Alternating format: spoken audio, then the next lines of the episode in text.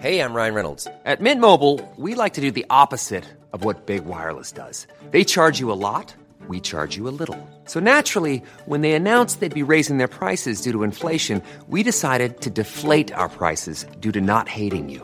That's right. We're cutting the price of Mint Unlimited from $30 a month to just $15 a month. Give it a try at mintmobile.com slash switch. $45 upfront for three months plus taxes and fees. Promo rate for new customers for limited time. Unlimited more than 40 gigabytes per month. Slows. Full terms at mintmobile.com. Hej innebandy Sverige! Välkomna till ett nytt avsnitt. Den här gången har jag med mig två intressanta innebandyprofiler. Camilla Olsson, hon är verksamhetsansvarig på Värmlands innebandyförbund. Och Henrik Paulsson, han har samma funktion på Skånes innebandyförbund. De jobbar alltså med innebandy på heltid.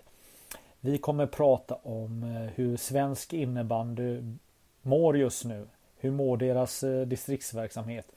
Hur ser det ut helt enkelt i, eh, i deras eh, distrikt? Med klubbar, med spelare. Hur mycket har de tappat? Och hur mycket har de tänkt ta ikapp här nu efter pandemin? Och eh, Ja, det är en fråga som väldigt många ställer sig. Vi vet ju om att exempelvis åtta förbundsserielag på allsvenska och division 1 nivå hittills har eh, hoppat av den här säsongen. Bland annat på grund av eh, Corona eh, som har gjort att man har svårt att få ihop lag. Men hur ser det ut i eh, Skåne och hur ser det ut i Värmland? Det och jättemycket annat kommer vi prata om i det här avsnittet. Jag vill också säga det att vi hade lite tekniska problem så vissa saker har fallit bort när inte mikrofonerna har velat vara med oss. Men nu är det hög tid att vi släpper fram Camilla och Henrik och detta avsnittet. Nu kör vi!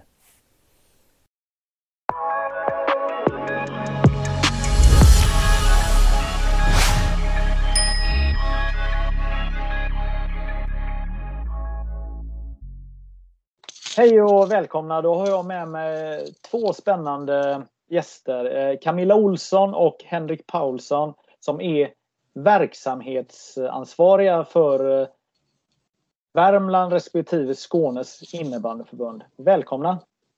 Tackar! Tack så mycket! Mm. Hur är läget i eh, Värmland och Skåne en dag som denna? Ja, en dag som denna har vi faktiskt fått någon form av brittsommar i Värmland med supervärme och sol har vi alltid som, som ni vet. Eh, men eh, superskönt, så jag skulle säga att läget är bra i Värmland idag. Ja, jag kan bara intyga det är fint i Skåne också. Inte lika mycket sol ännu, men det kommer väl förhoppningsvis. Nej, precis innan vi började spela in det här avsnittet så eh, sa jag det att vi måste presentera er två för att ni är ju inte lika kända som Kim Nilsson och eh, Galant eh, Karlström och ja. Eh, så då tänker jag faktiskt att vi ska börja här med att ni lite ska få presentera er så att vi vet vilka vi, vi pratar med det här då. Eh, om vi börjar med Henrik då så tänker jag, jag tänker ställa fyra frågor här. Eh, så då är min fråga till Henrik det här först då. Vad har du gjort med innebandy hittills? Ja men precis. Jo, men jag, jag eh, kanske har en lite annan bakgrund inom innebandy än många av de gästerna du har haft tidigare här och även jämfört med Camilla. Eh, jag har spelat innebandy på motionsnivå i 25 år. Eh, varje dag, eh, eller på att säga, men varje vecka i 25 år och det, det är ju min sport kallar jag den numera åtminstone. Eh, men det första jag fick med innebandyn på, på arbetar, arbetsnivå det var, det var 2013. Eh, då var jag involverad i distriktslags-SM som gick i Helsingborg det året. Eh, och då var jag pressansvarig och tog hand om TV4s representanter och, och lite sådär. Och sen, sen på den vägen var det. 2014 gick det i Helsingborg igen, distriktslags-SM och då var jag projektledare för det. Sen hade jag hand om U19-VM 2015 eh, och sen började jag jobba på kontoret på Skånes innebandyförbund eh, efter det som föreningsutvecklare. Eh, och sen i etapper har jag fått mer och mer ansvar och sen tidigare i år då så är jag verksamhetsansvarig med, med personalansvar och, och de bitarna också. Så en ganska kort resa men väldigt, väldigt rolig och väldigt intensiv. Eh, fick man uppleva en pandemi i år fyra eller fem eller vad det blir också. Så, ja, mycket, mycket spännande har hänt på den korta tiden. Ja, man kan eh, konstatera att du skötte dig eh, ditt första uppdrag som du fick och sen har du bara du har fortsatt att sköta dig och fått mer och mer ansvar. Ja, precis. andra människor ansåg i alla fall att jag var hyfsat okej okay på det jag gjorde.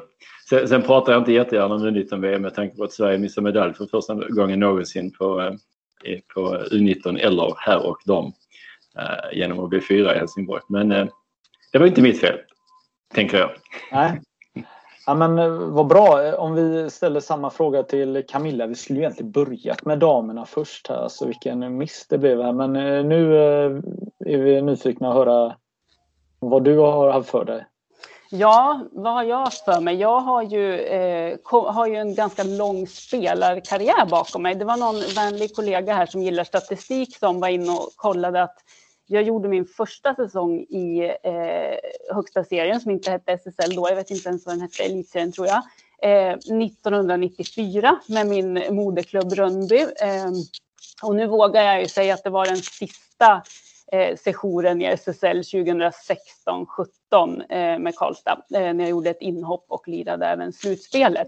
Men det har ju gått ganska många år då sedan 94 och jag har fortfarande inte lyckats lägga undan klubborna utan det blir allt spel i år också, dock inte i SSL då. Så min, min bakgrund inom innebandyn är ju eh, som spelare och därför känns det ju som en ynnest får man väl säga att också nu få jobba med sitt stora eh, intresse. Och det har jag gjort sedan, jag kollade ju det här, 2016. Jag tror att jag har någon form av femårsjubileum snart. Eh, så sedan dess har jag varit då kanslichef i, i Värmland. Hur eh, hamnade du i den här rollen då?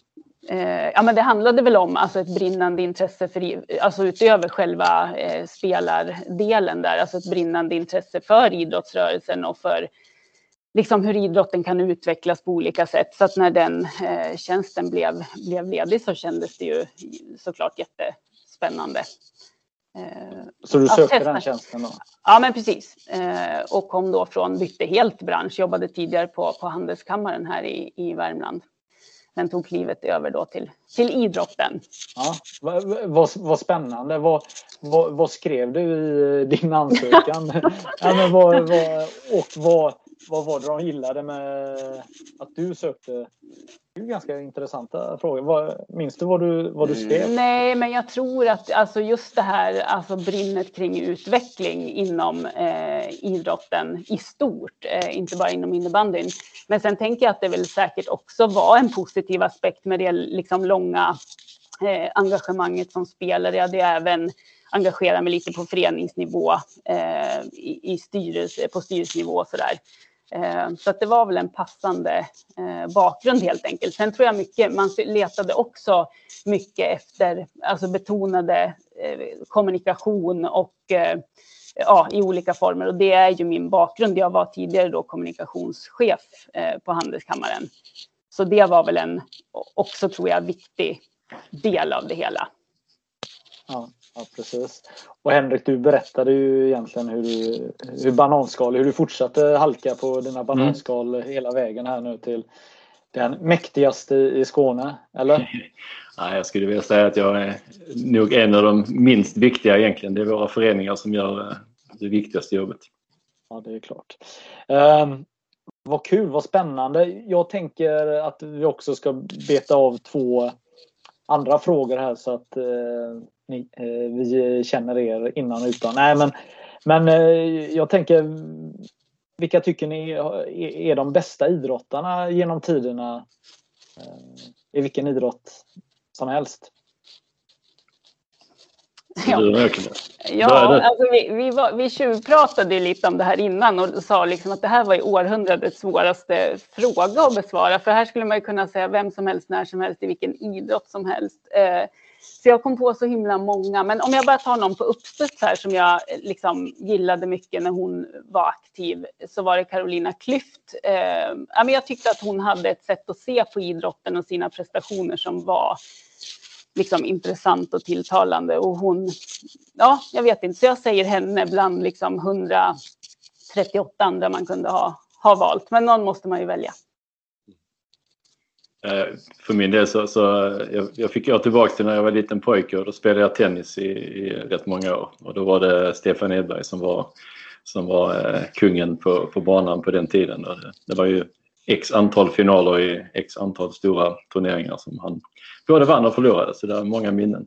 Och ska man ta en andra, och det får jag kanske, så får jag väl ändå säga eh, till många kanske Malmö FF-supportrars förtret men eh, jag är ju nästan lika gammal som Zlatan eller rättare sagt han är något år yngre än mig. Eh, jag har varit på samma festställen som honom i ungdomen och, och, så vidare. och Så vidare. Så att följa den karriären parallellt med, med att man själv växte upp i ungefär samma ålder var ju ja, det var riktigt magiskt faktiskt. Att titta på matcher på, eh, på stadion och, och de bitarna eh, innan han försvann från, från Sverige. Sen har ju hans namn solkats ner men det är en helt annan historia.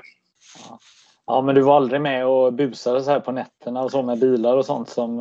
Äh, inte med Zlatan i alla fall. Nej, ja, det, men det är en ganska svår fråga där. Men jag, jag tänker själv, alltså, jag, man helgonförklarar några sådana här legender som Björn Borg och, och eh, Mats Wilander, alltså egentligen alla och, och eh, Ingmar Stenmark och, och sånt där. Så jag skulle nog säga dem också. Men jag tycker Carolina Klüft också. Det är bara synd att hon att hon inte gjorde som vi som följer. Att, eh, hade en jättelång karriär och vann tre OS-guld och åtta VM-guld utan att hon, bensinen tog slut ganska fort. Det var ju, men eh, ja, hon är ju duktig inom media idag. Eh, så hon har gjort övergången väldigt bra. Vad, det som vi alla undrar här nu då, eh, det är ju hur svensk innebandy mår då. Och, och då tyckte jag att det hade varit jättekul att diskutera det här med er då, ni som representerar två stora distrikt i eh, innebandy Sverige. Så hur mår vi? Är min fråga helt enkelt. Ja, eh, det är en ganska stor, eh, bred och komplex fråga. Jag tänkte vilken ände ska man börja? Alltså jag tror för det första att man får konstatera att vi inte riktigt kanske vet var vi befinner oss. Ehm, alltså, så här, det vore ju naivt att tro att en samhällskris som den här pandemin ändå är och har varit, att den inte skulle påverka idrotten negativt. Alltså det får vi väl ändå, alltså den här oron och sådär där eh, som finns är ju på något vis befogad. Men sen gäller det att verkligen djupdyka i data nu och statistik och framförallt liksom över tid. Ehm, Därför att vi vet ju inte om vi tittar på licensstatistiken från säsongen som inte blev. Ja, vad säger den oss? Ja, där ser vi, jag vet att vi båda distrikt ser ungefär samma tapp där, en tusen licenser mindre. Men då vet vi också att vi fick aldrig in våra gröna licenser i systemet. Det utgör åtminstone i Värmland över hälften av det tappet. Vi fick inte in alla licenser som vanligtvis kommer in oktober, november. Alltså analysen av siffrorna är ju svår här och nu. Det tror jag man måste ha med sig att vi behöver nu över tid och framförallt om vi nu förhoppningsvis får en hel säsong 21-22 jämföra den med den senaste hela säsongen 1920. Alltså vi måste ha ordning på datat för att se var, var blöder vi? Vad är konsekvenserna av den här pandemin? Det tror jag är viktigt. Eh, och om jag bara fortsätter lite med läget specifikt i Värmland så gick vi in i pandemin eller så här, över en tioårsperiod så har värmländsk innebandy växt hela tiden, lite grann varje år. Eh, åren 10 till 15 extra mycket och sen har vi haft en mer liksom så här platåartad utveckling. Men säsongen innan pandemin så hade vi ett, ja vi tror faktiskt att det var ett all time high på licenser genom tiderna. Eh, och sen kom då pandemin.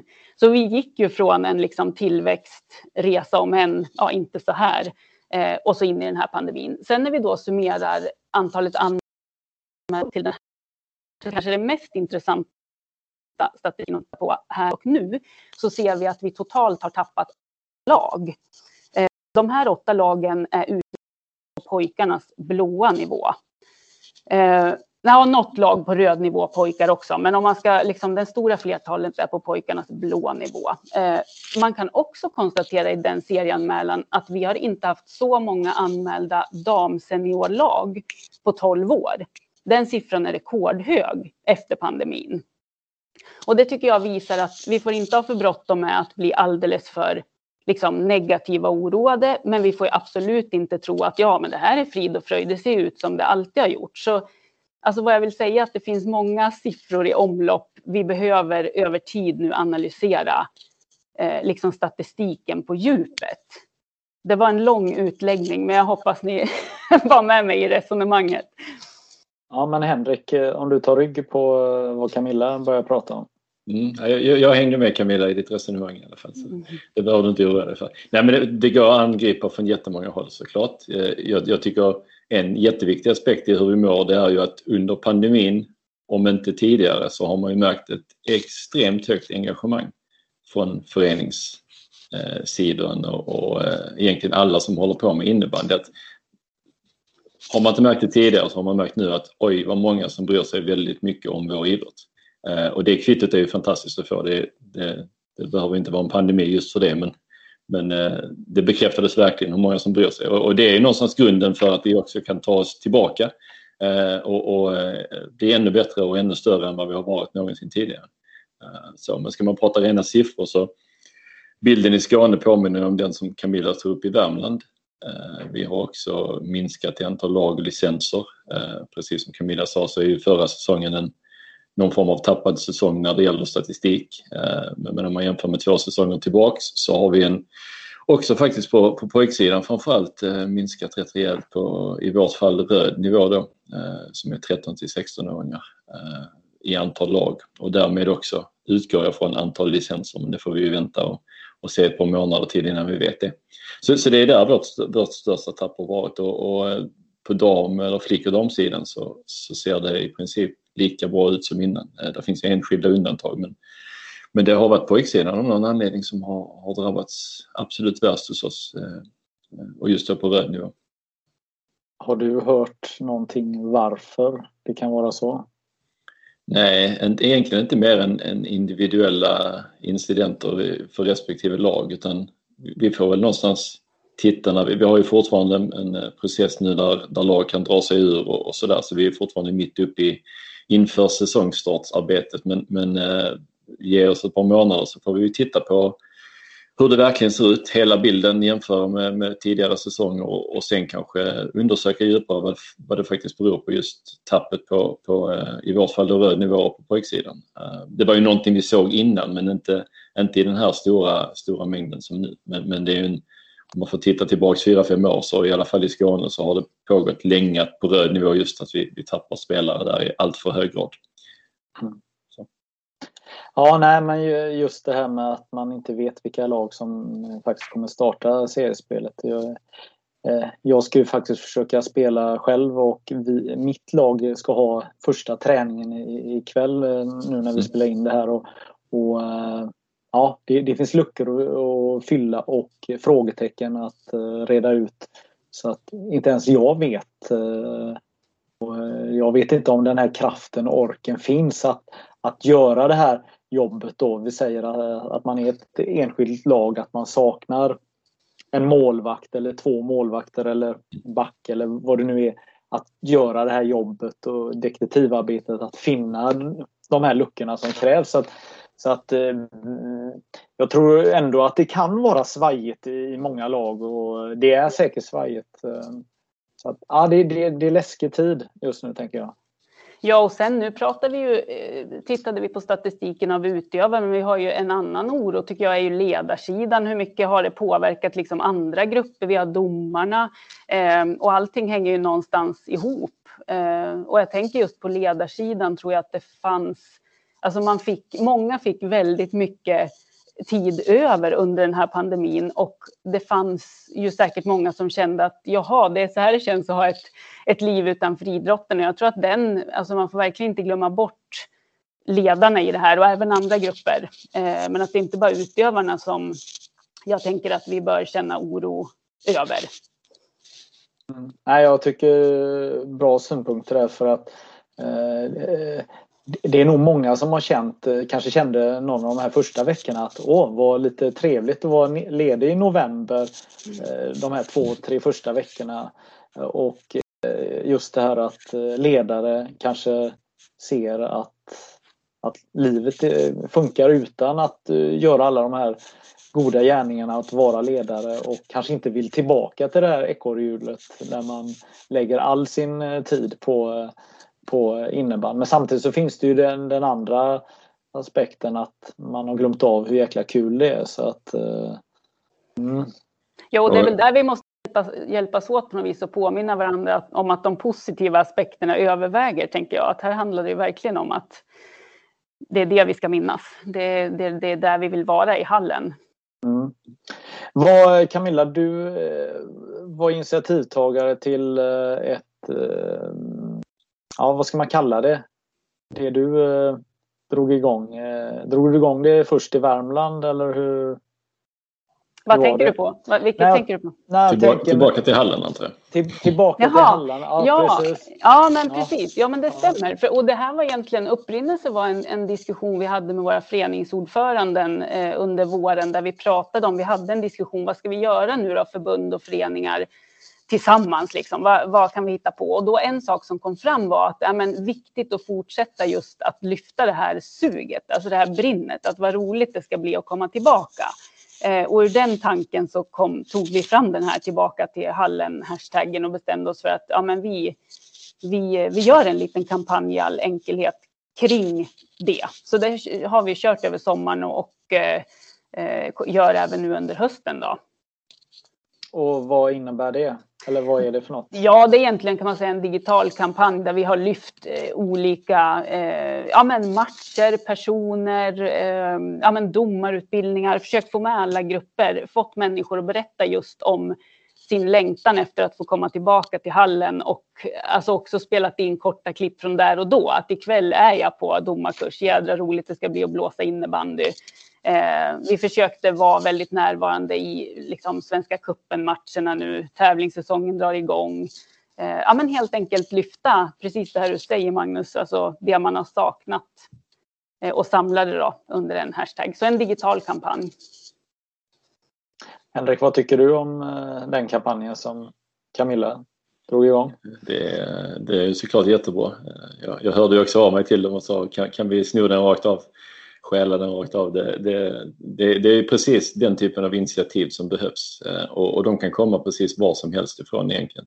Eh, I det här fallet var det från Värmland och distriktsförbund men det kan ju lika bra vara en förening som gör det lokalt eller, eller Svenska innebandyförbundet som säkert kommer att göra sådana här bitar också. Så, så för vår del var det ju bara att vi använder hashtaggen och så, och så jobbar vi vidare på samma sätt och, och försöker involvera just föreningarna också att dela Använd hashtaggen dela, dela budskapet att ni är tillbaka, visa all den glädje som ni nu har fått eh, hålla tillbaka i ett och ett halvt år och, och när ni äntligen som eh, kosläppet i april eh, får, får komma in på planen igen och verkligen visa all den glädje. För det är ju så många som älskar idrotten där ute.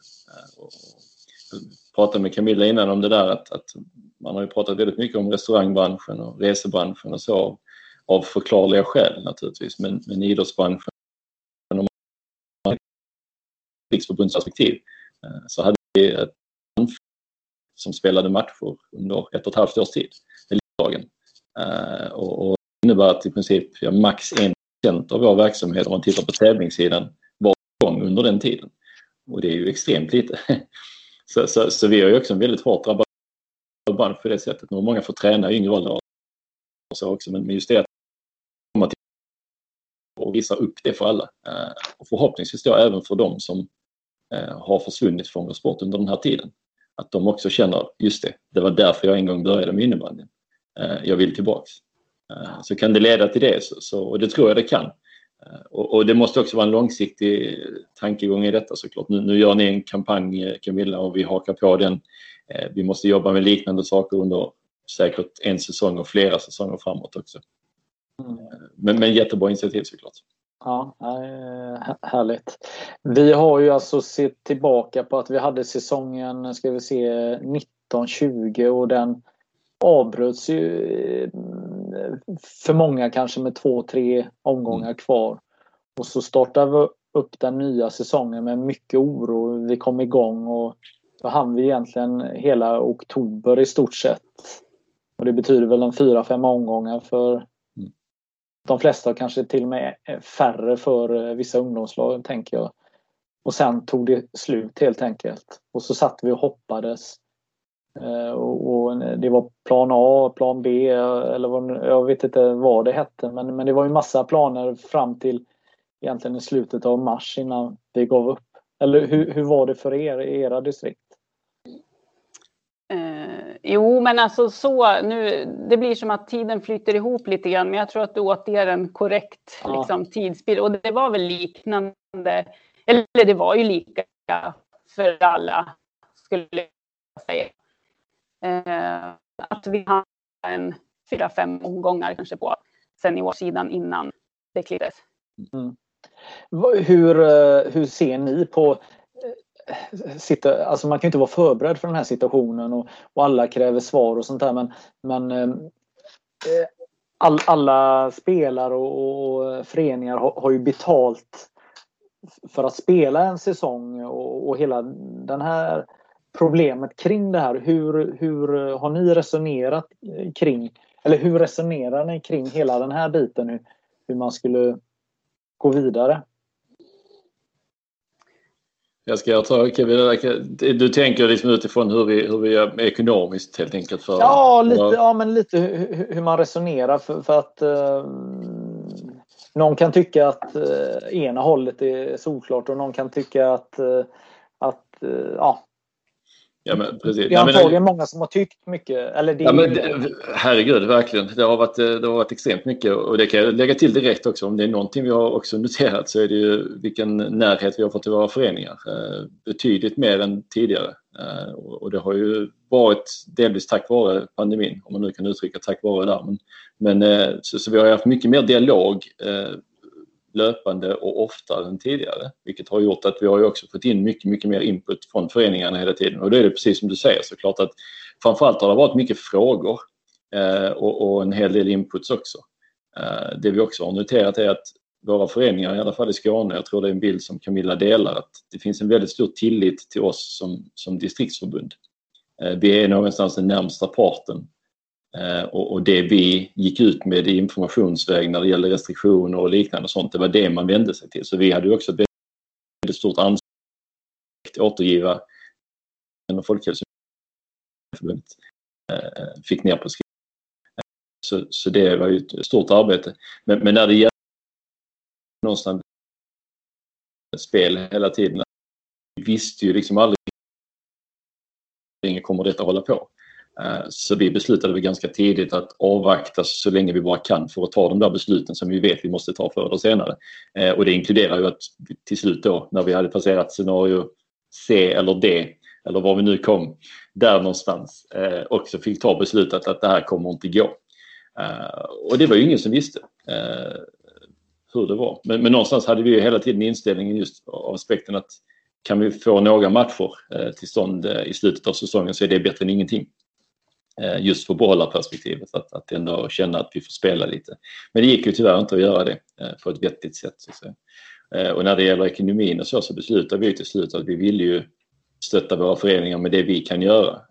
Vi har ett, ett gott eget kapital i Skåne som vi har byggt upp under många säsonger. Och, det, det, har vi ju alltid tänkt att det ska användas för den här typen av situationer. Kanske inte så här drastiskt som det nu blev, men nu fick vi en jättebra möjlighet att trots allt kapa lite av det och ge tillbaks i form av subventioner till domare, subventioner till föreningar och, och subventioner till de spelutvecklingssamlingar som vi har också i Skåne. Ehm, är, är det för kom, framtiden då? Ja, det är för den här säsongen som vi går in i nu. Att, att eh, baserat på hur till exempel hur många lag man hade anmält förra säsongen och så där så fick man eh, så, men 30 procent sa vi att, att vi eh, subventionerar årets eller säsongens anmälningsavgift eh, och det tyckte vi var en ganska lagom summa som inte, inte riskerar vårt förbunds framtid men, heller, men också ger en, en del till föreningarna som, som säkert behöver pengarna mer eller mindre i alla fall. Så det var väl lite så. Precis, jag kan väl haka på där också. Vi förde ett liknande resonemang. Vår styrelse beslutade tidigt att här gäller det att summera i slutet och inte och, och, och föreningarna så mycket vi bara kan utan att hamna i att vi behöver klappa eh, så. Jag tycker också vi hade en jättebra dialog med föreningarna under resans gång. Och det här kommer att landa i eh, en slutlig subvention för det här året då på 40 procent eh, av serieavgifterna, precis som Henke beskriver, baserat på antalet lag då.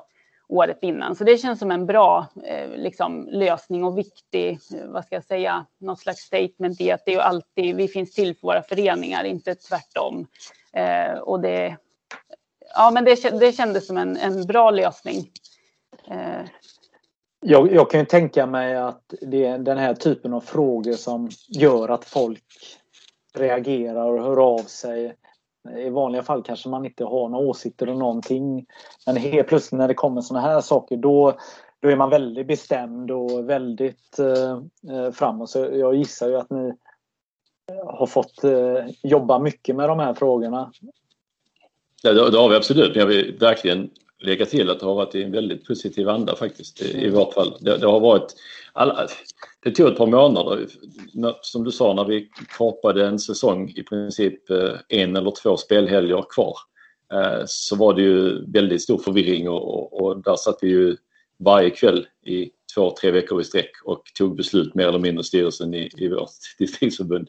Så, så det var ju väldigt snabba puckar men sen när det väl la ner sig den här förståelsen eh, kom någonstans att vi sitter ju alla i samma sits på något sätt här. Ingen av oss vet, vi måste göra det bästa av det tillsammans.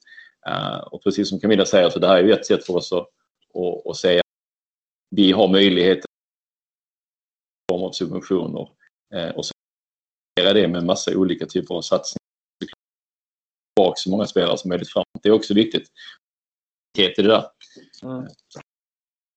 En känsla av att eh, när vi alla blev varma i kläder på så kändes det som att distrikten började prata ihop sig och sen började även idrotterna som i samma storlek och samma situation också börja prata ihop sig. Så det känns ju ändå som att, att idrottsrörelsen egentligen har, har mer eller mindre tagit samma grepp kring de här frågorna. Eller hur tänker ni? Jo, jag, jag, absolut. Det, jag, jag håller med. Vi, vi hade ju också dialog med andra idrotter i Skåne längs med hela vägen i princip och, och vi hjälpte ju varandra, inte minst vi, vi och handbollen och, och eh, andra eh, bollsporter och lagsporter har ju ungefär samma situation. Eh, så, så vi, vi gav varandra mycket råd och, och kollade hur gör ni och hur gör vi och sådär. Och det, det är ju den typen av dialog vi bör ha i de lägena också för, för det blir också en man säger, en intern Skåne-angelägenhet i vårt fall att gör handbollen på ett sätt och vi på ett helt annat sätt så kan det också bli väldigt konstigt. Så vi försökte synka och, och, och tänka ungefär likadant där. Mm. Och det känns ju också som en viktig lärdom. Vi snackade ju lite om det innan, att verkligen ta med efter pandemin. Det behöver inte vara liksom kris för att man ska hitta den typen av samarbeten och dialog. Så det tycker jag känns som att ja, men det får vi ta med oss och, och liksom köra vidare på, både mellan idrotterna känner jag, lokal, regionalt, också mellan SDF i innebandy och kopplingen liksom till vårt nationella förbund. Att, att eh, ja, men en sån här tät dialog är ju bra oavsett ljusa eller mm. mörka tider. Liksom. Jag funderar, skulle man kunna sett den här säsongen på ett något annorlunda sätt? Alltså jag tänker startdatum och sånt där. Nu, nu är det ju egentligen eh, att man kopierar den eh, säsongerna som varit innan med, med startdatum. Eh, en tanke hade kunnat varit att man börjar en månad senare på något sätt med distriktsverksamheten just för att man hunnit ropa hem alla till hagen igen på något sätt. Så min fråga är om, om ni någon gång har tänkt i de banorna eller på något sätt kan se om, om föreningar hör, hör, hör av sig att vi skulle behöva skjuta upp de två första omgångarna att vi behöver mer tid och att landa. Eller, förstår ni mitt, mitt, min tanke eller resonemang? Absolut. Eh, nej, jag kan bara ta kort så att vi har inte, nej, vi har inte riktigt resonerat så. Det är en intressant tanke, absolut. Det är det. Eh, några så spontana dilemman om man ska vara, negativ är ju att vi har ju Eh, eh, överenskommelser med fotboll och, andra sommaridrotter att vi inte ska gå in på våra eh, säsonger till exempel. Och då pratar vi framförallt om barn och ungdomsnivå. Men, jag har inte heller hört att vi har fått speciellt mycket av den typen av frågor att det behovet finns att skjuta upp den. Ehm, nej, det, är en intressant tanke, absolut. Och någonstans är det också, vi har en ganska lång säsong också. Vi vill ju helst inte att den ska hålla på in i maj-juni som vi eventuellt höll på att göra den föregående säsongen. Så det finns en slutdatum på det också. Men, men eh, ja, nej, jag, jag vet faktiskt inte. Jag tror inte det har varit så stort behov av det. Men eh, vem vet? Nej, jag delar den bilden också. Det är inte att det alltså, har lyfts frågan så, men jag tycker också att tanken är intressant. För det, är ju, det finns ju något i det där att om det är något pandemin kanske har lärt oss också, att vi behöver ju skruva på saker, liksom, i, och både i stort och i smått. Det behöver inte vara det snackade du och jag om Henke för nyligen, att det behöver inte alltid heller vara de här stora världsomvälvande grejerna, men just liksom skruva lite, lite. Kan vi hitta någon ny ansats här? Mm. Eh, så att, och det tror jag är nödvändigt framöver nu när vi är i ett läge där vi vet att vi behöver göra saker lite, lite annorlunda. Vi behöver ha tillbaka liksom, folket. Mm. Eh, så det är, men det är, ja, men det är också en intressant eh, tanke, eller vad jag funderar på. Dels vad, vad, vad jobbade ni med under pandemin och har ni ändrat på någonting? Jag tänker ett företag som låter många gå hem. De kanske gör en ny, alltså man tänker i andra banor. Ja, men det här behöver vi inte men vi behöver det här. Och har, har ni hunnit med att korrigera eller förändra någonting? Era sätt att arbeta framåt här nu eller hur? Vad är ni? Ja, men man kan väl säga så här på din första fråga, liksom under pandemin, då är det ju som du var inne på Henke lite tidigare, att där gick ju väldigt mycket av dygnets tid åt till att förhålla sig till liksom, riktlinjer, rekommendationer, kommunicera ut dem och så gjorde man det på tisdagen och så på onsdagen började alltså den här så som det var liksom och det åt ju upp mycket tid. Eh, men jag tycker också att vi bestämde oss tidigt för att vi ska ställa om så mycket det bara går. Vi ska, alltså även om tävlingsverksamheten ligger nere så är ju inte det hela verksamheten vi har. Alltså vad kan vi faktiskt fortsätta med i digital form och så vidare. Så det rullade på ganska bra med utbildningar, föreläsningar i digital form. Eh, där jag också tycker att det var slående, just det vi pratade om initialt, att kanske ledare till exempel upptäckte att vad mycket tid jag har, så fanns det också ett jädra engagemang och ett stort intresse att vara med på digitala tillställningar. Alltså, vi bjöd in en del SSL-tränare till exempel från runt om i landet för att prata inför våra eh, seniortränare och det fanns ju ett, ett jädra sug liksom. Eh, och även på andra nivåer, andra ämnen. Eh, så det tycker jag var viktigt att ändå försöka, även om, om en så liten procent av tävlingsverksamheten var igång så gick det att göra mycket annat. Och det tänker jag är viktigt att ta med även efteråt nu i arbetssätten, att vad kan vi plocka med därifrån och göra även efter pandemin. Eh, och sen göra an så det är väl, ja, ja men ta med erfarenheterna som man skulle kunna liksom bibehålla med fördel även efter. Men sen tänker jag också, alltså någonstans där jag var inne på med att skruva på saker. Alltså någonstans behöver vi ju, vi kan ju inte göra precis samma som vi gjorde innan. För då om man tittar i ett större perspektiv så har vi ju inte, alltså, och det gäller ju lagidrotterna generellt, vi har inte sett den här trenden i antalet liksom, utövare och så här. Så vi behöver ju liksom addera nytt tänk, nya saker, skruva på allt i stort och i smått. Det tror jag blir viktigt. Att där behöver vi gasa liksom, vara på tå. Och då menar jag i alla delar egentligen. Jag saknar lite, mm, eh, jag menar padden har ju eh, exploderat under den här tiden eftersom det är det enda man har fått göra, i alla fall om man är vuxen eh, känns det som. Men jag har faktiskt inte hört att man pratar inom innebandyn, att, att man tar efter eller på något sätt mer än att en del säger oj, det är ju precis samma utvecklingskurva som innebandyn hade när den slog igenom och, och tog över Sverige på 80 och 90-talet. Men eh, finns det någonting där att plocka som de har gjort bra förutom att de bygger hallar eh, överallt? Absolut finns det det. Det, det där med hallarna är ju helt ja, det är fascinerande verkligen. Vi, pratade om det på kompisar så nyligen också om att vi får se om, om den där idrotten behåller eh, statusen nu när pandemin är över så att säga. Eh, annars är det ju väldigt många utrymmen för, för nya innebandyhallar och andra Eh, för oss i alla fall. Men, men om man ska svara på frågan där också så är det ju mycket att eh, ja, det finns garanterat massvis att ta med sig från padden och andra idrotter som, som är populära nu. Eh, och en sak i padden som jag har tänkt en hel del på det är ju den här man säger, korta intensiva, om vi ska kalla det säsongen. Eh, nu tävlar jag inte i padel eller på något sätt så, men jag förstår det som att man spelar ett antal matcher och sen så lottas man in i en ny grupp som blir ännu jämnare matcher och sen håller man på så liksom under, under hela tiden. Och, och den delen med, med eh, att titta på ja, är ungdomar och eh, vuxna för den delen i, i dagsläget, är det en hel säsong? Alltså så här, nu pratar jag inte om SSL och så för där, där är ju en helt annan situation. Men om man tänker på en 12-13-åring. Eh, vill de eh, möta samma lag i 8-9 månader i sträck eller, eller är det roligare om man får skifta efter halvår och möta nya och, sådär till exempel. Så den biten att titta på, okay, hur kan vi ändra våra spelformer möjligtvis eh, för att kanske erbjuda ännu mer glädje och intresse och, och träffa ännu fler innebandyspelare och sådär. Den, den är spännande. Men då finns det ju hinder kommunalt ibland och och, och sådär med halvbokningar och liknande. Men jag tror vi måste hela tiden titta vad, vad hade vi kunnat ändra på? Inte därmed sagt att vi ska ändra på det men lyfta lite på stenarna som finns där ute och, och, och just i paddens fall uppenbarligen finns det någonting som lockar. Eh, definitivt läge att titta på det. Det finns ju även, om jag har sett ett par rapporter just varför lyckas padden just nu. Eh, och den, den, eh, den har jag läst med, med stort intresse eh, såklart de kommer ju få det lite kämpigt när alla innebandyföräldrar nu måste skjutsa sina barn till träningar så de har ju inte tid att spela padel. Ja, strukturer är viktigt. Ja. Vad, vad, tänker du Camilla kring eh, allt?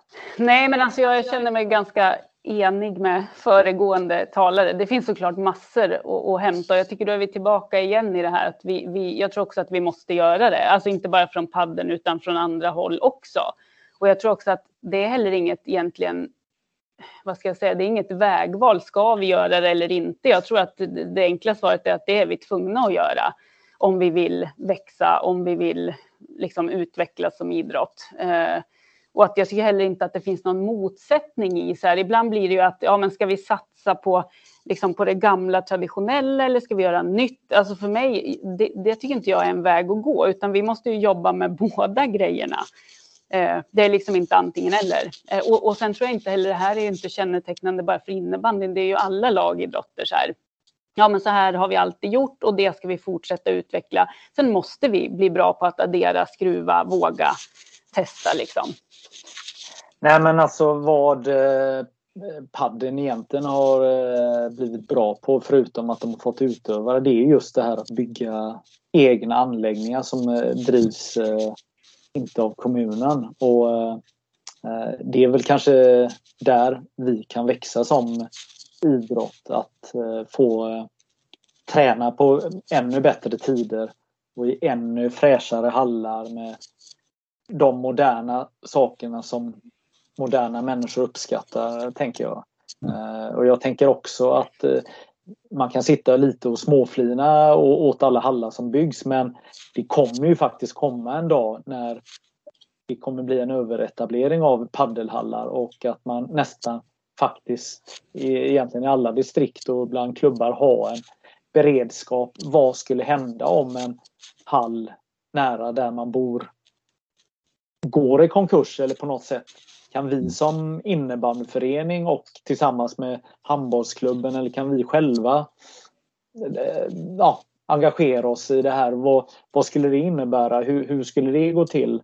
Jag vet inte, det är ju ingen jättegalen eh, tanke. Eh, eller vad, hur tänker ni? Nej, nej, det är det inte. Absolut inte. Och bara lägga till generellt också, det, det gäller ju verkligen att vara på tårna som du säger i alla sammanhang. Om man tittar historiskt, jag, jag nämnde Stefan Edberg eh, när jag var liten grabb och då var ju tennisen ja, men Sveriges största sport i princip. Eh, var är tennisen idag? Eh, det kanske inte är tennisens fel, det kanske är samhället som har gått i en viss riktning och sådär men vi måste hela tiden vara medvetna om att det är inget för givet att vi ska ha 120 000 eller nästan licenser eh, inom innebandyn utan vi måste kämpa för detta tror jag. Och, och då är det just den typen av eh, ja, men att vi är på tårna när, när, vi har chansen att göra någonting nytt och testa någonting nytt och, och, eh, och försöka hitta nya vägar för fler att komma in i innebandyn. För det är ju egentligen, i min värld i alla fall, det är det verkligen som räknas. Att vi, vi vill ha så många som möjligt som håller på med vår innebandy eh, i den formen som de vill göra det själva. Och då, då är ju hallar definitivt ett stort behov av om vi ska öka så mycket som eh, svensk innebandy vill att vi ska göra. Mm. Ja, men jag, tycker vi är inne på eh, intressanta diskussioner här. Vi, vi pratar om längden på säsongen. Det, det är ändå en 40 veckor man eh, binder upp sig med att vara med i ett seriespel då med mm. några veckor träning innan och några veckor efter. Så blir det ju så här många heter det, eh, veckor och som du nämnde här med padden att man har lite intensivare serier och så byter man och så kan man faktiskt missa serie också kanske på något sätt och, och göra något annat. Men, men jag tänker också en, en annan sak eh, som jag känner då som både spelare och ledare, idrottsförälder och hela den här biten, det är ju att vi spelar ju väldigt mycket på helger. Det också kan vara en, en eh, slitfaktor på något sätt att, att man låser upp all sin fritid. Det är inget fel. Att hålla på med innebandy är roligast. Det vet i alla fall jag och Camilla. Jag vet inte vad, du borde gått in tidigare det här med innebandy. Men, ja, det är min miss. Ja, men det är kul att du är med nu. Nej, men Tack. är ni med mig? Alltså, någonstans så hade, hade jag eh, uppskatt, eller önskat att det var mer vardagsmatcher och jag eh, gissar ju att om ni hade haft i era distrikt att i division 2 spelar man på måndagar, division 3 på tisdag. Alltså, man hade kunnat få med sig fler eh, spelare om det hade varit mer matcher på vardagar och också eh, ja, eh, det, det, det, hade blivit bättre helt enkelt. Vad, vad är era tankar och går det att hitta lösningar på detta eller, eller vad, hur ska vi göra med när ska vi spela våra matcher? När är det ultimat att spela?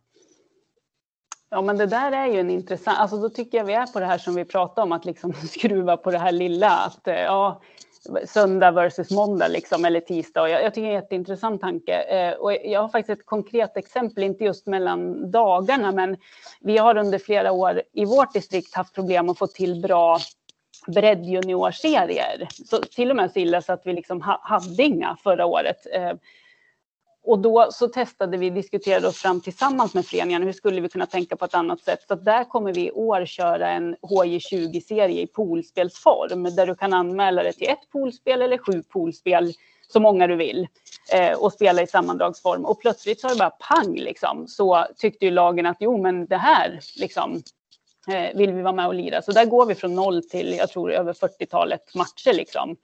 Eh, för den gruppen. Och det tycker jag är ett sådant exempel på att ja, vi har skruvat lite grann på ursprungstanken att spela varje lördag eller söndag. Eller, så, så den tycker jag är viktig, för jag tror att den, det kan göra stor skillnad. Ja, precis. Ja, nej, nej, exakt, jag, jag håller med. Det, det, det, är ju, det du gör där, Magnus, är just att lyfta på en sten. Eh, som vi har tagit för givet under många, många, många år. Att, att vi spelar matcher på helger, inte minst för barn och ungdomar. Eh, och så där, klart. Och där finns ju ett par aspekter i det och en är ju eh, tiden i hallen såklart när vi spelar sammandrag som vi gör i Skåne på grön och blå nivå. Eh, så pratar vi ju rätt många timmar eh, och det kanske är svårt att få ihop en vardagskväll men om vi pratar junior och seniornivå så är det klart att det finns möjligheter. Och, och det är egentligen den typen av dialog som, som jag jättegärna har med, med våra föreningar och, och försöker ha framåt också den typen av frågeställningar. För till syvende och sist, och det ska vi aldrig, aldrig glömma bort, så är det våra föreningar som styr vår verksamhet egentligen. Om alla våra föreningar i Skåne, 62 stycken just idag, säger att vi vill göra detta, ja då har vi som förbund absolut ingenting att säga till om. Och så ska det ju vara. Ehm, eh, så jag försöker alltid, alltid uppmuntra våra föreningsrepresentanter att komma in med era tankar, och era förslag. Det är inte alltid så att de kommer gå igenom på något sätt. Vi har ju ett helhetsansvar och måste ju titta på alla föreningars bästa om man säger. Men, men eh, just att lyfta på stenarna och så. Men, men, ja, det är väl ingen omöjlighet alls det där att titta på en sån sak exempelvis. Nej, jag, jag, kanske inte menar att man gör allt, att man flyttar allt från helgen, men, men att det blir eh, ändå flexibelt så att det är, finns lediga helger. Jag menar, den moderna människan eh, köper sommarstugor och gör andra saker mm. också och, och då det kanske kan få en att man inte kan vara med som ledare eller, eller vad det nu kan vara eller eller att man vill ta den här eh, uppdraget att spela i sitt division 3-lag eller division 4-lag och säga att ja, men jag bokar upp mig eh, alla helger hela året här och jag lovar att vara med. Det, det är ett ganska betungande eh, uppdrag för många. Då. Eh, mm. Sen finns det människor som älskar att hitta lösningar och, och brinner för det. Att man förklarar för eh, svärföräldrarna att det kan aldrig vara ett kalas mellan de här tiderna på helgerna för då, då spelas det innebandymatcher. Va? Men det är inte alla som kan som har kraften och engagemanget att uh, styra upp det. Men hur, hur känner man med speltiden? Det finns ju fler som förespråkar att vi ska spela något kortare, alltså tre effektiv för att då kan man faktiskt spela fler matcher på vardagar exempelvis. För många eh, säger, eller jag vet jag har pratat med några företrädare från andra distrikt som säger att seniormatcherna tar så lång tid så att man kan inte få in så många matcher på en vardag då exempelvis. Vad, vad era, har ni några tankar? Eh? Ja, du, ställer bra frågor får jag säga. Det, det är kul. Du får verkligen fundera. Men jag skulle bara lägga till på det, på det förra resonemanget också att, att det handlar ju väldigt mycket som du pratar om också om samhörigheten. Eh, när vi pratar helger och sådär. För många är det veckans höjdpunkt. Även föräldrar till barnen som spelar och sådär. Så det finns ju otroligt många som, som, eh, som vill detta också såklart. Men, men, men det det handlar om det och även det du kanske pratar om med speltid. Det är ju någon typ av att vi är öppna för att titta på de här sakerna och att vi har en flexibilitet. Och att alla behöver inte spela likadant heller. Eh, vi pratade innan Camilla och jag om att vi har äntligen fått till nationella spelformer på grön och blå nivå exempelvis, där vi spelar likadant över hela landet. Det borde ha gjorts för tio år sedan om jag ska vara kritisk, men nu är vi där i alla fall och det är jättehärligt. Och det är sånt ett exempel på att den, om man tittar på den regelboken eller den handboken för de reglerna så skiljer det sig jättemycket såklart mot seniorinnebandy och det ska det göra.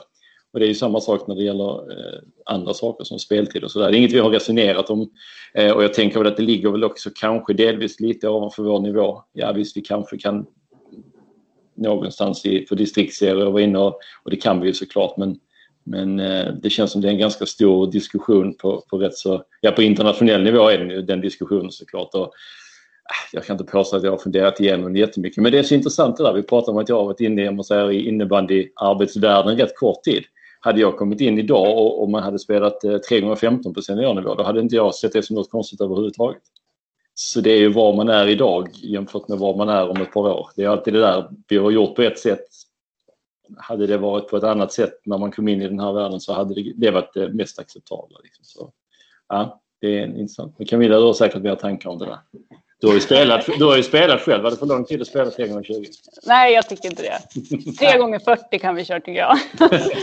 nej, men alltså, nej, men jag tänker också att nej, jag håller med dig om att eh, nej, det, alltså, just speltiden är inte en specifik fråga liksom vi eller, eller jag har funderat kring så. Men det är också ett, ännu ett exempel på det här att det är just det vi måste våga fundera på. Ställa oss frågan hur skulle det bli då? Hur skulle, alltså, eh, så tänker jag.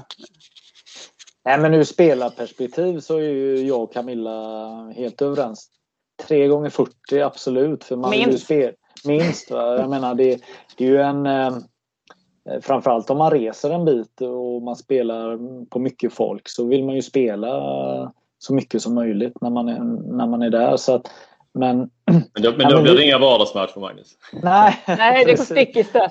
Ja, man får börja nio på morgonen på lördagen och sluta på eftermiddagen. Det blir, blir som några av de här sporterna som aldrig tar slut. Nej men, nej, men det, det är ju det är väl bra om man vågar prata om eh, brett egentligen om, om, om alla de här delarna och hur, hur vi ska eh, gå framåt. För att det vi alla ändå vill det är ju att, att eh, sporten ska behålla sina utövare och till och med växa. Då.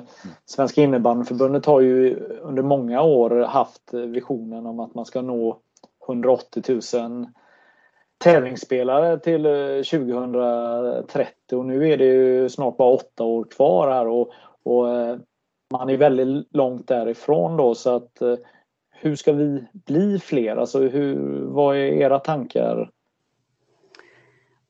Ja, alltså, nej, men alltså om man börjar i änden av, alltså, jag tänker att den här siffran just kanske man inte ska stirra sig blind på som siffra. För jag tänker så här att det är mer en ansats, ett angreppssätt, liksom, ett sätt att visa att vi vill vara riktigt visionära. Eh, alltså vi, ska, vi vill sikta väldigt högt och det tycker jag är bra.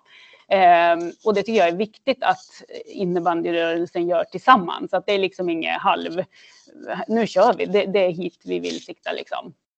Eh, men sen, ja men då är jag tillbaka i att en jätteviktig liksom, utgångspunkt är att ska vi nå dit så kan vi inte nå dit genom att och liksom bara köra på som vi har gjort. Då blir det ju jätteviktigt, allt det här vi har pratat om idag, alltså allt ifrån i det lilla, alltså hur ska det vara med speltider, veckodagar, tävlingsstrukturer, eh, till liksom ännu större frågor. Alltså ska man kunna spela innebandy på helt andra spelformer? Finns det någon innebandy, alltså innebandyns eh, paddelversion? Alltså, jag tycker det är hela spektrat av att våga prata om det, våga ta vissa grejer vidare till skarpa test och också våga se att ja, men det här gav ingenting. Bock på den, det har vi provat. Då kan vi gå vidare till nästa.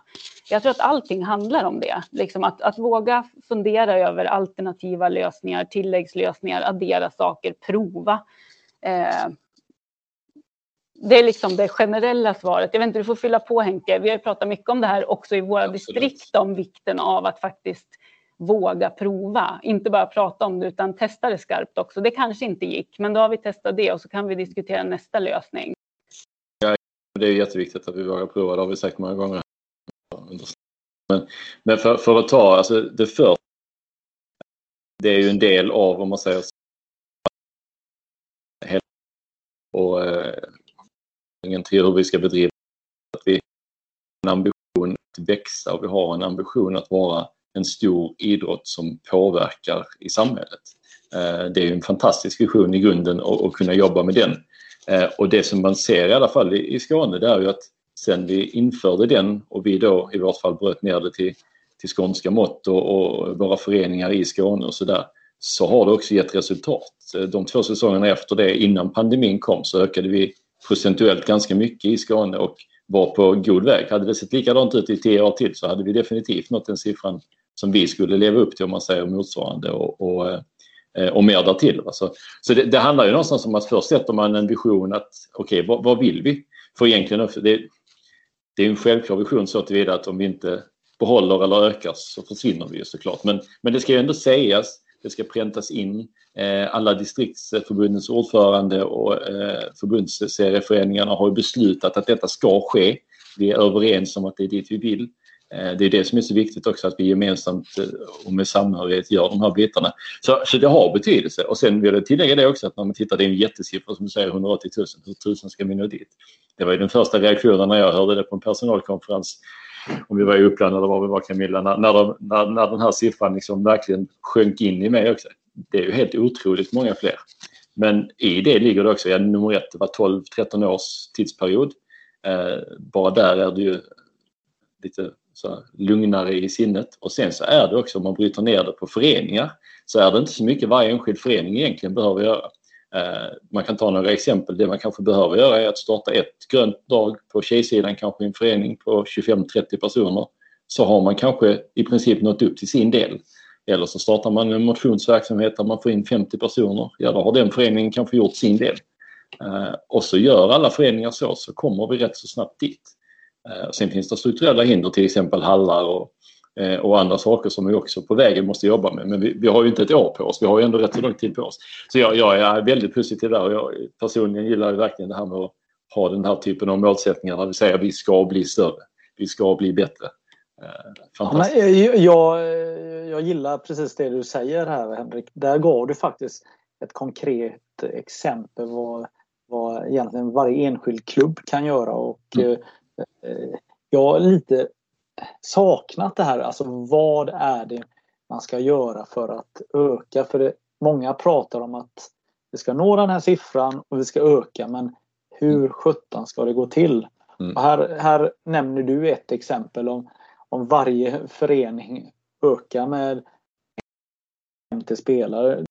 Då, då men eh, jag tänker då eh, när Camilla och jag eh, började spela för länge, länge, länge sedan så, så var ju innebandy mer uppsökande på ett annat sätt. Mm. Att man, man, man, man kontaktade skolor, man, man, man var på ett annat sätt aktivare. I, idag, handen på hjärtat, så är vi en ganska, inte passiv sport, men vi är vi är inte på hugget eh, och jagar efter spelare som, som vi gjorde förut. Och tänker jag. Nej, och där får jag bara fylla i där, för jag satt precis och tänkte på det du säger som nästa konkreta hur.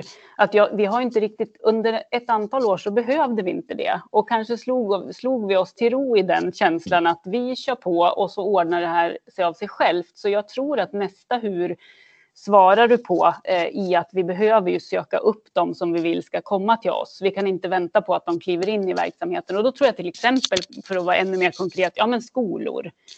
Eh, jag tror att det är där, och speciellt då efter pandemin, mm. när vi ser liksom, ja, eller känner den här oron, ser tappen. Så det tror jag är också en, en jättekonkret grej att vi måste ut och hämta in dem. Liksom. Nej, och jag tänker att alla distrikt har ju sina utmaningar och eh, storstäder kan ha sina utmaningar kontra mindre städer.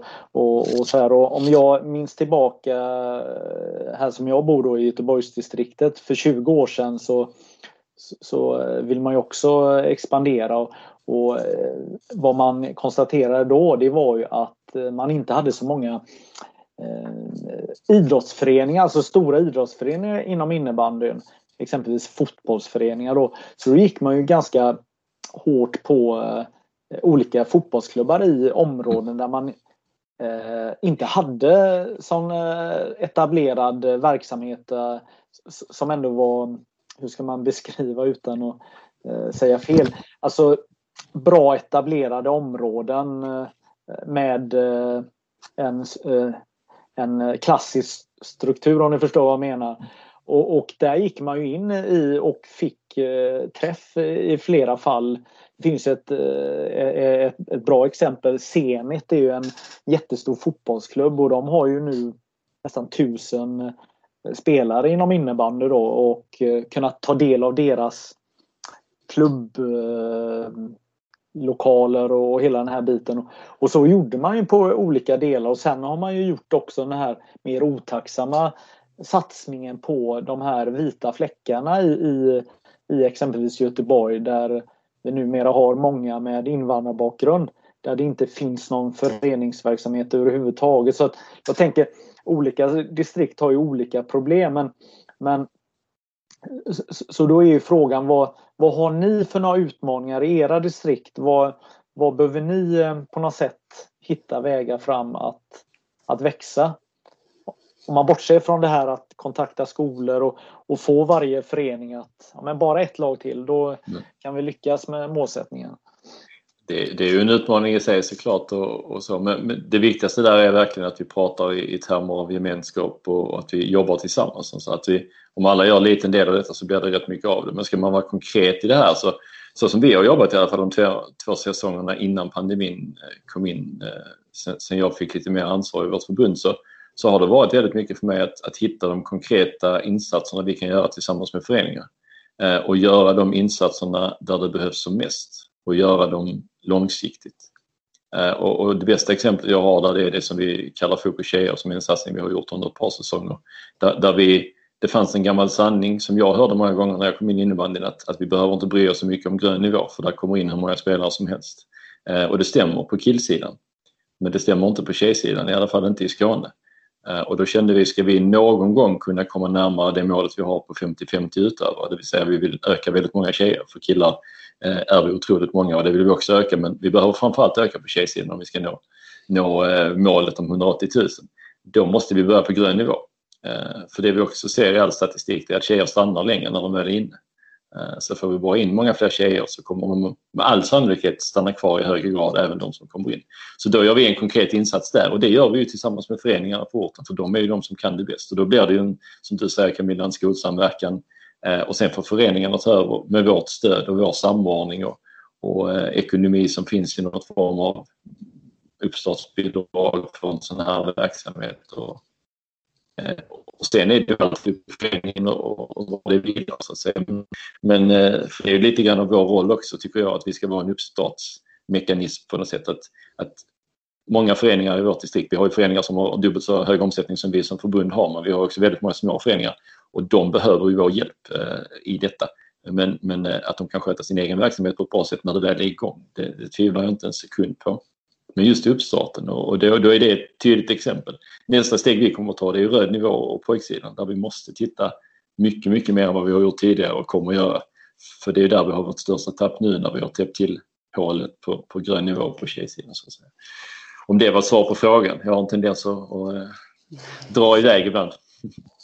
Camilla, vad, vad har ni för utmaningar? Alltså vad, vad är era eh, vita fläckar och hur, hur, hur tänker du kring det resonemanget jag pratade om innan?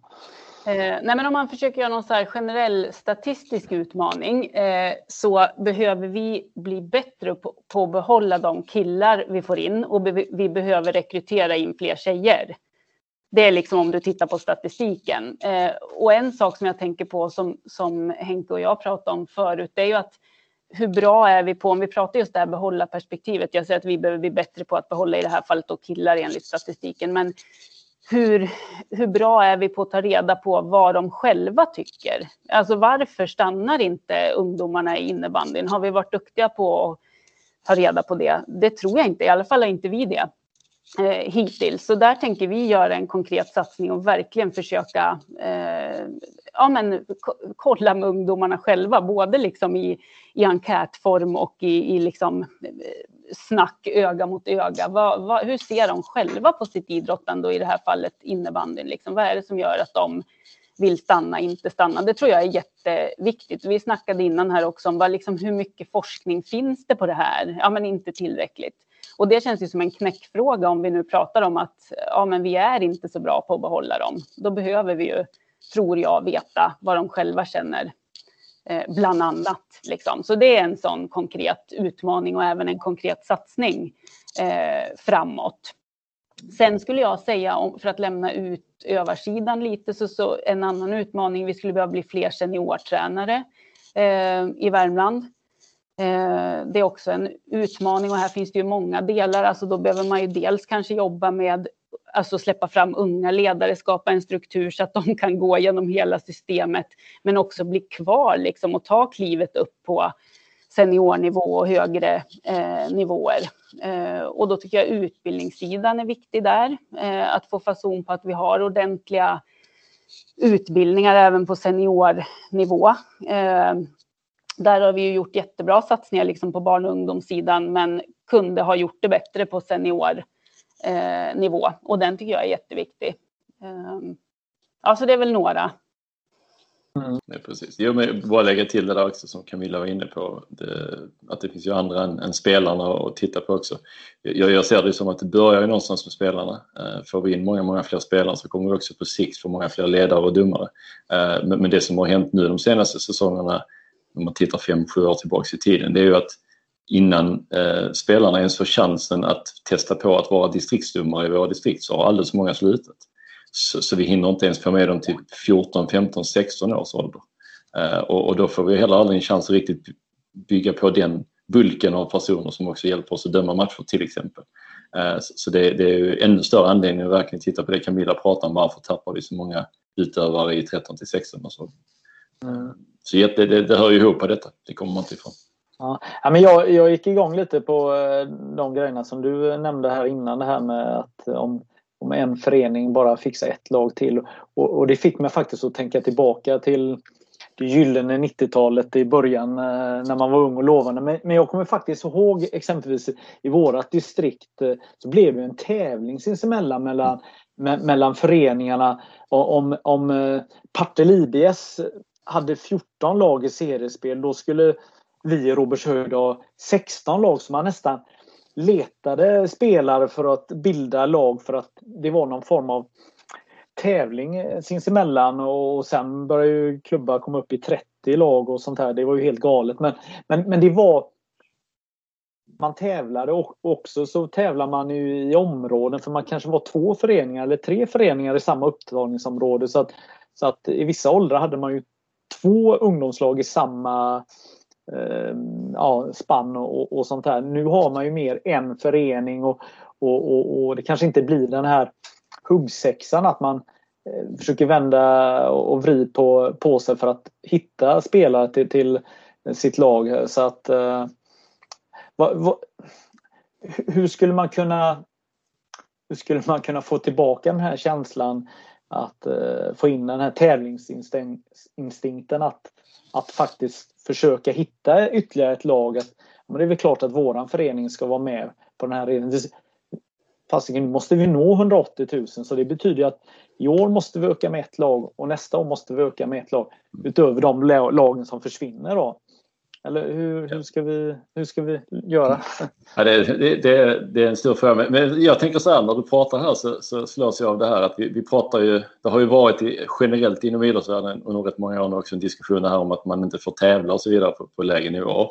Eh, jag håller inte alls med där utan tävla gör vi konstant tycker jag. Men, men för att ta det som en ingång i detta så att det har ju varit det finns en väldigt, väldigt stolthet, vilket det ska finnas 100% om man sportsligt eh, lyckas få ihop eh, en grupp som gör bra resultat.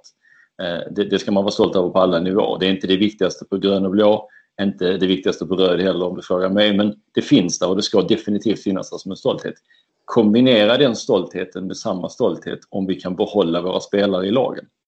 Att vi kan få till den kombinationen av att vi ska vara precis lika stolta och även få uppmärksamhet när vi som tränare ute gör det. När vi lyckas behålla spelare så ska vi få uppmärksamhet från föreningen, från oss distriktsförbund, från Svenska innebandyförbundet, från er i media, från alla. För det är en lika stor framgång om vår idrott ska bli riktigt stor och kunna behålla den nivån vi har, tycker jag.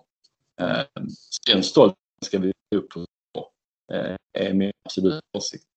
Vi är jättestolta över sportsliga resultat och var jättestolta när vi behåller spelare. Eh, då tror jag vi har kommit långt på det också. Då måste vi hjälpas åt för att verkligen uppmärksamma och berömma dem för det också. Eh, de som gör det. Ja, men jag håller med och jag tänker också att det här är en, en, kommunikativ fråga. För det är som du säger Magnus, jag gick igång när du sa det så. Ja, om man pratar om det på det viset så blir ju också hela det här gigantiska målet mer greppbart. Och jag tänker att genom, genom att kommunicera så som i det här fallet med att om vi bryter ner det till en förening så tror jag att man per automatik också väcker lite tävlingsnerven. Liksom att ja, men nu har ju grannföreningen här, liksom, nu jädrar. Eh, och, och sen som du säger Henke, att man också är duktig på att uppmärksamma den typen liksom, av framgångar som är bortom det sportsliga. Det tror jag är, det skulle vi komma en bra bit på. Om vi tittar eh, framåt här nu då, alltså eh, hur, hur, hur kommer det gå den här säsongen nu för Skånes innebandyförbund och eh, Värmlands innebandyförbund. Hur, hur, eh, om vi utgår från att eh, vi är optimister nu och att det kommer rulla på, säsongen kommer rulla på och vi kommer få spela våra matcher och vi kommer få släppa in föräldrar och alla som vill titta på ungdomsmatcher och elitlagen kommer få ha den publiken de vill ha och sådär. Vad, vad kommer hända, tänker vi? Kör du Camilla.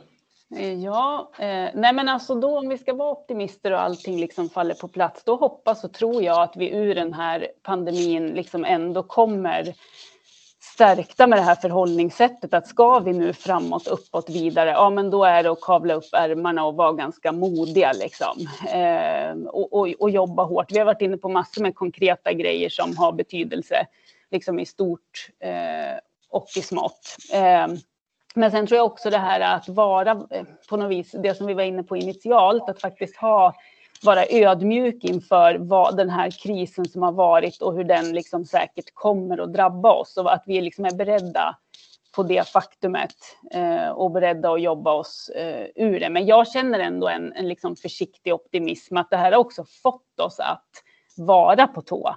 För så är det ju också med kriser, att ja, när saker rullar på, det är också lätt att luta sig tillbaka. Det är ingen som kan rimligtvis luta sig tillbaka efter den här pandemin och det ser jag faktiskt som en positiv grej.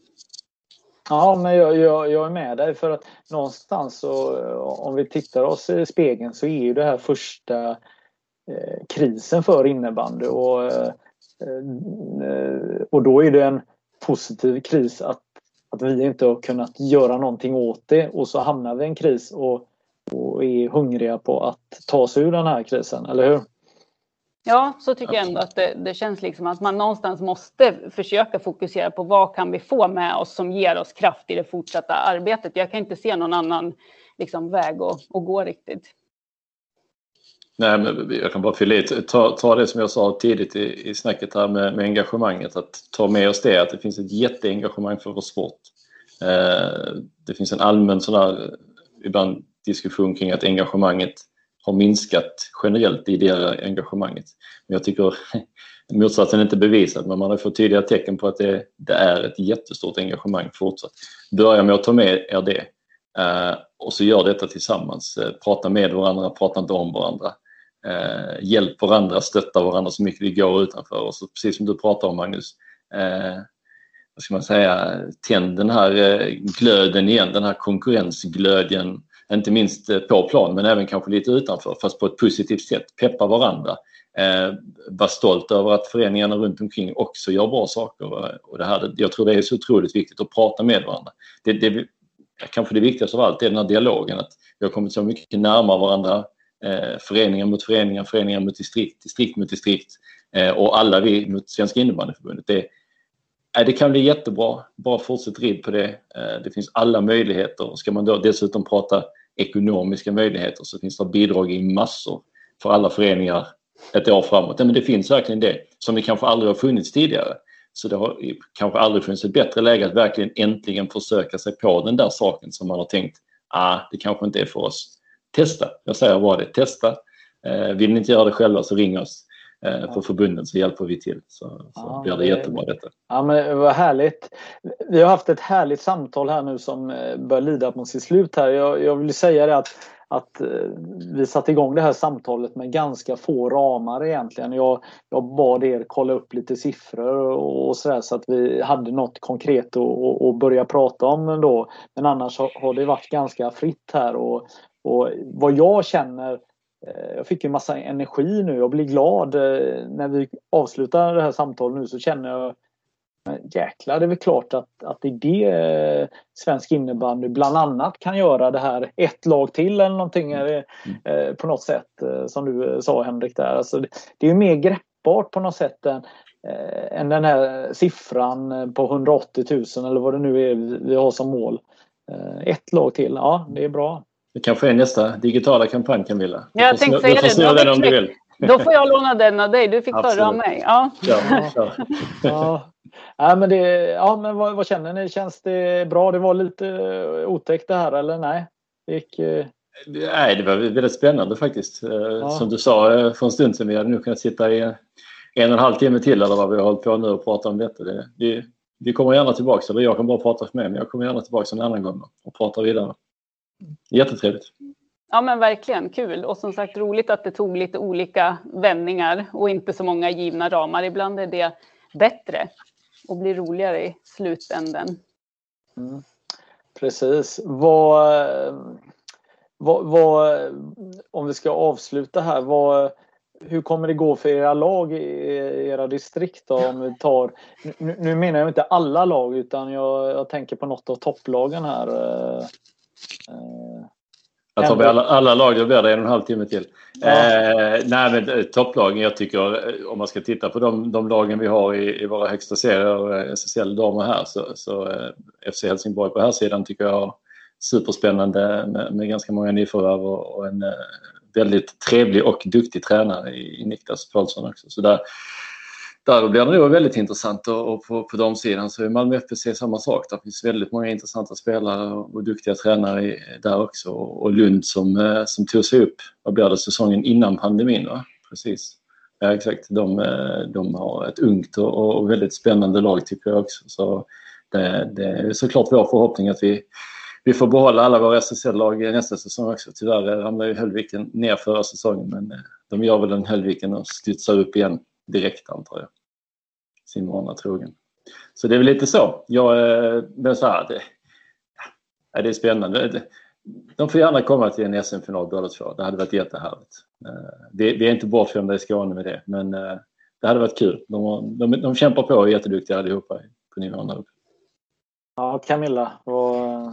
Ja, men jag får ju sälla mig till den positiva sidan också. Jag tänker om vi tar allsvenskan och SSL då, att eh, Karlstads SSL-damer ser ju jättespännande ut. Har gjort liksom tunga, eh, tunga värvningar inför den här säsongen och det ser ju på papper ut, ut liksom, bättre ut än på flera år. Eh, så det ska bli jättespännande. Jag tror man har chans att och knipa slutspelsplats och, och vara med och slåss liksom i år. Så det känns spännande och positivt. Eh, och på här sidan likadant, absolut liksom.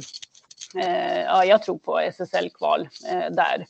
Och på damsidan i allsvenskan har vi Skoghall som har liksom bred spännande eh, trupp också siktar på kval. Så jag skulle säga att för alla tre, om vi just då tar SSL och allsvenskan så, så säger jag positivt på alla tre med goda chanser att nå målsättningarna. Um, Eh, avslutningsvis här tänker jag Henrik, hur kommer det gå för eh, ert lag, eller era lag i distriktet den här säsongen? Ja, men förhoppningsvis kommer det för det första att vi, vi alla lag får eh, behålla sina spelare och att det blir en positiv stämning överallt. Liksom. Och ska vi titta på, på våra absolut högsta serier så, så hade ju två SM-finaler framåt april varit fantastiskt om vi kan ha två skånska lag, ett på dam och ett på herrsidan. Eller det får gärna vara två, två skånska lag på damsidan också. Såklart. Så det, det hade varit nice. Ja, det är ju fullt möjligt va? Ja, precis. Ja, det, det. Ja. Ja, Camilla, hur eh, tänker du att det går för era lag i Värmland? Nej, men jag tänker som Henrik såklart att jag hoppas att verksamheten ska få rulla på här efter pandemin oavsett nivå. Eh, och håller vi oss till den absoluta toppen då, så till exempel i SSL så tänker jag att det ser jättespännande ut på damsidan. Karlstad har gjort eh, supertunga värvningar eh, och har alla chanser att nå eh, högre än, än, tidigare. Så att, ja, nej, men jag är optimistisk, men framför allt i botten att vi får lira en hel säsong och att, att spelarna kommer tillbaka, domarna tillbaka och alla andra. Mm. Du, du ska spela. Vad, vad har du för ambitioner eh, med ditt spelande? Då? Nu pratar du med Henke va? Nej. nej, jag skojar. Jag skojar. Nu det är Henkes motionslag. Ja, nej, nej, men precis. Jo, men jag ska ju spela i vår regionala eh, dametta som vi har tillsammans med eh, Västmanland och Örebro. Eh, och jag, nej, men alltså, jag kan ju helt enkelt inte sluta. Jag älskar det här tävlingsmomentet och vill trots eh, mina 43 år fortfarande liksom utvecklas eh, och få vara med och tävla. Så är det bara. Ja, men ska ni vinna mer matcher än ni förlorar? Ska du, det tycker jag är en bra ingångstanke. Så, så är tanken. Nej, men vi siktar ju på att, att hålla oss kvar i ettan förstås. Mm. Ja, härligt. Då tackar jag för det visat intresse, men tack för samtalet. Det var jättekul. Stort tack, tack själv. Even when we're on a budget we still deserve nice things. Quince is a place to scoop up stunning high-end goods for 50 to 80% less than similar brands. They have buttery soft cashmere sweaters starting at $50, luxurious Italian leather bags, and so much more. Plus, Quince only works with factories that use safe, ethical, and responsible manufacturing. Get the high-end goods you'll love without the high price tag with Quince. Go to quince.com/style for free shipping and 365-day returns.